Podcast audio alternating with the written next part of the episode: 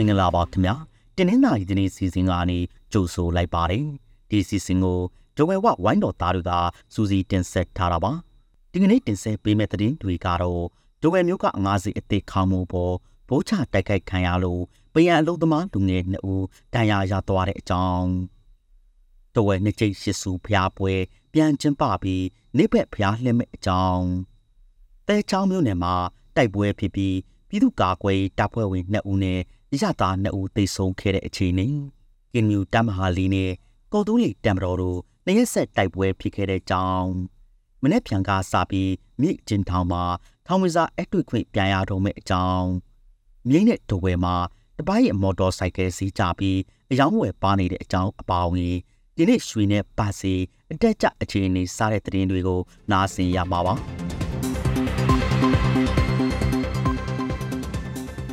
ဒဝဲမျိုးစစားမီရက်ွက်ရှိအောက်တခွန်50အသေးရဲ့ခေါင်းမိုးပေါ်ဒီနေ့နေ့လယ်ကဘိုးချတိုက်ခိုက်ခံရလို့ဇေယုတ်အတွင်ပြန်လုံးနေတဲ့လူငယ်အမျိုးသားနှစ်ဦးတန်ရာရသွားပါတယ်။ဘုံကဇေယုတ်ရဲ့ခေါင်းမိုးပေါ်ကြားရောက်ပောက်ကွဲခဲ့လို့ဇေယုတ်ထဲပြန်လုံးနေတဲ့အသက်14နှစ်အရွယ်ចောင်းသားလူငယ်တဦးနဲ့အသက်20ကျော်အရွယ်အလုပ်သားတဦးတန်ရာရသွားတာပါ။အသက်14နှစ်အရွယ်ចောင်းသားကတရင်ကျော်ចောင်းပေးလို့ပြန်ဝင်လို့နေတာဖြစ်ပြီး ညာဘက်ဂျိုင်အောင်တဲ့ပခိုးမှာတန်ရာရသွားတာလို့ဆိုပါတယ်။အဲဒီငါးစေးကိုဘယ်ဘက်ကဘယ်လိုအကြောင်းရင်းကြောင့်တိုက်ခိုက်ခဲ့တဲ့ဆိုတာကိုတော့မသိရသေးပါဘူး။တဝဲမြို့အစုံစီအဲ့ဒီငါးစီဟာပြီးခဲ့တဲ့နှစ်ဧပြီလကတိစောက်ထားတာဖြစ်ပြီးစိုက်ခန်းကအစီကြီးတာဈေးတယ်တွေကိုစိုက်ခန်းအတင်းကျဝယ်ယူခိုက်တာတွေရှိတယ်ဆိုပြီးဒေသခံတွေကြားဝေဖန်မှုတွေရှိနေတာပါ။အောက်တခွန်ငါးစီရဲ့လူမှုကွန်ရက်မှာတော့ ဒီလိုမျိုးဆိုင်ခန်းကိုအတင်းကျဝယ်ယူခိုက်တာမျိုးလုပ်မှာပေါ့ဘူးလို့ရေးသားထားပါတယ်။သုံးနှစ်ကြာရန်နာထားတဲ့ဒဝဲနှစ်ချိတ်ရှိစုဖျားပွဲကိုဒီနေ့မှာပြန်လည်ကျင်းပမှာဖြစ်ပြီးနေ့ဘက်မှာဖျားလှဲတော့မယ်လို့ဒဝဲဖျားကြီးဂောဘကအဖွဲ့ကထုတ်ပြန်ထားပါတယ်။နှစ်ချိတ်ရှိစုဖျားပွဲကိုအရင်ကျင်းပနေကြပုံစံအတိုင်းတစောင်းမှုလက်ဆန်း17ရက်ကနေလာပြည်နေ့အထိဖျားကြီးဝင်တွင်9ရက်ကြာကျင်းပမယ်လို့ဆိုပါတယ်။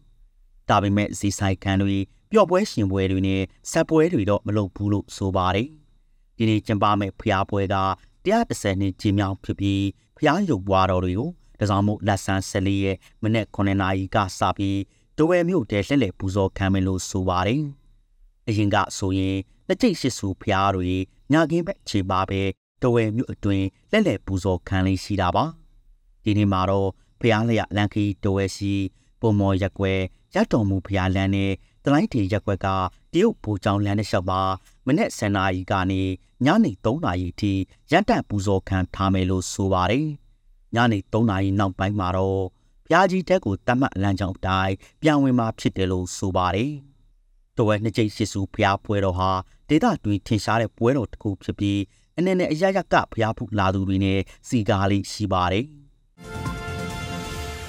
တဲချောင်းမျိုးနဲ့ထဲက ရင်ငယ်ရွာမှာပြစ်ခတ်မှုဖြစ်ပြီးဒေသကာကွယ်တပ်ဖွဲ့ဝင်2ဦးနဲ့အရသား2ဦးသေဆုံးသွားပါတယ်။အော်တိုဘာလ21ရက်မနေ့ကတမြိုင်ရွာကနေရင်ငယ်ရွာငွေတောင်းဖွဲ့ကိုထွက်လာတဲ့စစ်ကောင်စီတပ်ကိုပြည်သူ့ကာကွယ်တပ်ကမိုက်ဆွဲတိုက်ခိုက်ခဲ့ပါတယ်။အဲ့ဒီနောက်မှာတော့မိနစ်30အကြာတိုက်ပွဲဖြစ်ခဲ့ပြီးမိုက်ဆွဲမှုနဲ့ပြစ်ခတ်မှုအတွင်းစစ်ကောင်စီတပ်သား10ဦးလောက်ထိခိုက်ဒေဆုံးခဲ့တယ်လို့ဆိုပါတယ်။ မိုက်ဆွဲတိုက်ခိုက်ခံရပြီးနောက်ရင်ငယ်ရွာတောင်ချောင်းဗိုလ်ကြီးကျောင်းကမန်ကနှစ်ပါးနဲ့အရသားနှစ်ဦးကိုစစ်ကောင်စီတပ်ကဖမ်းဆီးခဲ့ပါတယ်။ညနေ3နာရီလောက်မှာတော့ရင်ငယ်ရွာထဲဝင်လာတဲ့ပြည်သူ့ကာကွယ်ရေးတပ်ဖွဲ့ကိုကင်မွန်ဝက်နေတဲ့စစ်ကောင်စီတပ်ကအလစ်တိုက်ခိုက်ခဲ့တာလို့ဆိုပါတယ်။ဒီလိုတိုက်ခိုက်ခံရတာကြောင့်ပြည်သူ့ကာကွယ်ရေးတပ်ဖွဲ့ဝင်2ဦးသေဆုံးခဲ့ပြီးအရသား2ဦးကိုလည်းဗိုလ်ကြီးကျောင်းနားမှာပဲစစ်ကောင်စီတပ်ကပြစ်တက်ခဲ့တာလို့ဆိုပါတယ်။ စစ်ကောင်စီတပ်သားတွေဟာအခုနှစ်ဇွန်လကတည်းကရင်ငယ်ရွာမွေတောင်မှာတက်လာဆွဲပြီးနောက်မှာတော့ရွာလုံးကြော့နေပါဒေးဆောင်နေရပြီးဘိုးကြီးကျောင်းနဲ့နေချုပ်မှာပဲလူနေတော့တာပါတော့ဝဲအရှိတော်ဒေတာမှာကင်းနူတပ်မဟာလီနဲ့ကော်တိုးလီတပ်မတော်တို့နှစ်ရက်ဆက်ပစ်ခတ်မှုဖြစ်ပွားခဲ့ပါတယ်အော်တိုဘာလ20ရက်နေ့မနေ့ကကထောင်းဒီရွာနာမှာပစ်ခတ်မှုဖြစ်ပြီးနောက်တရက်မနေ့မှာလည်းကလစ်ကြီးရွာဟောင်းနေရာမှာထပ်ပစ်ခဲ့တယ်လို့ဆိုပါတယ် ဒီလိုမျိုးပစ်ခတ်မှုဖြစ်လို့ထိခိုက်မှုရှိတယ်လို့ကြားသိရပေမဲ့အခြေအနေအသေးစိတ်ကိုမသိရသေးဘူးလို့ဆိုပါတယ်။နှစ်ဖက်တပ်ဖွဲ့တာဝန်ရှိသူတွေကလည်းနှစ်ဖက်ပြစ်ခတ်မှုဖြစ်တဲ့အကြောင်းကိုအတည်ပြုပြောဆိုပါတယ်။တဝက်ရှိသောဒေတာမှာ PMU တပ်မလေးလက်အောက်ခံ KNLA တပ်တွေနဲ့ဘိုးအကွေးဦးဆောင်တဲ့ KTLA တပ်ဖွဲ့တို့ကြားမချေလည်မှုတွေရှိခဲ့ပြီးပြစ်ခတ်တိုက်ခိုက်မှုတွေခက်ဆိတ်ဆိတ်ရှိနေတာပါ။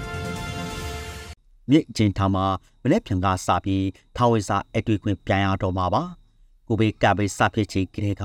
ပိတ်ထားတဲ့ထောင်ဝေစာအတွေ့ခွင့်ကိုပြန်ခွင့်ပြုဖို့ပြင်ဆင်နေတာသိရတယ်လို့မြန်မာနိုင်ငံလုံးဆိုင်ရာနိုင်ငံရေးကျင်းသားများကွန်ရဲ့ဥဆောင်ကော်မတီဝင်ကပြောပါတယ်။ဒီလိုထောင်ဝေစာအတွေ့ခွင့်ကိုစံသကာလအနေနဲ့မြေထောင်အပါဝင်ထောင်ရည်အတွက်စက္ကနာမှာခွင့်ပြုမှာလို့ဆိုပါတယ်။ထောင်ဘဝမှာရိတ်ခါလက်ခံနေတဲ့ အချင်းဝန်ထမ်းကလည်းထောင်ဝင်စာအတစ်ခွင့်ပြီးတော့မယ်ဆိုပြီးပြောဆိုခဲ့တယ်လို့ဆိုပါတယ်။တဝဲထောင်မှာတော့ပြီးခဲ့တဲ့ဇူလိုင်လက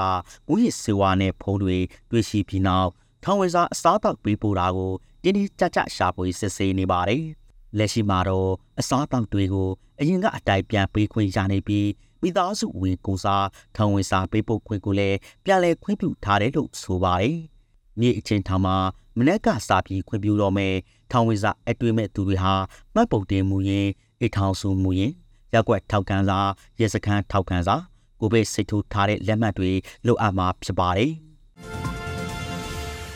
မြိတ်နဲ့တော်ဝဲမှာတပိုင်းရဲ့မော်တော်ဆိုင်ကယ်စိတ်ကြနေပြီးအယောင်းဝယ်နေပါနေပါတယ်။ပြီးခဲ့တဲ့လောက်ကိုပိုင်းလောက်ကစပြီးဇင်းတို့တွေကြာလာပြီးအယောင်းဝယ်ပါနေတာပါ။မန္တလေးပါဝင်တိုင်းပြင်ပအဝဲလိုအားကြားသွားတာအပြင် ဒေသတွင်စည်ရေးပဋိပက္ခပြင်းထန်နေတာကြောင့်လည်းအယောင်းဝယ်နေနေတာလို့ဆိုပါတယ်။ဒီလိုမျိုးရောင်းအားကြပြီးစိတ်ကြနေတဲ့အတွက်နောက်ဝယ်မဲ့ဆိုင်ကယ်တွေကိုလည်းစိမ့်ချီစားပြီးမှဝယ်နေရတယ်လို့ဆိုပါတယ်။နောက်ဆုံးတပုတ်အနေနဲ့ရွှေနဲ့ဗတ်စီအတဲကြအခြေအနေကိုတင်ဆက်သွားမှာပါ။ဒီနေ့မှာတော့အခောက်ရွှေစီဟာအပြောင်းလဲမရှိဘဲတခြားသားကို30လီတီခွဲနဲ့ညင်နေပါတယ်။ ထိုင်းဗတ်စီကတော့ကြာရီပြနေပြီးမြန်မာငွေတသိန်းကို1120ဘတ်ပေါက်စီးရှိနေပါတယ်။အခုလိုနားဆင်ပေးခဲ့တဲ့အတွက်ကျေးဇူးအထူးတင်ရှိပါတယ်။မြန်မာနိုင်ငံသားများကပ်ဘေးပေါင်းကနေမြန်ဆိုလွတ်မြောက်နိုင်ပါစေလို့ဂျုံကဝအဝိုင်းတော်သားတွေကစုငေါ်ကောင်းတောင်းအပ်ပါတယ်ခင်ဗျာ။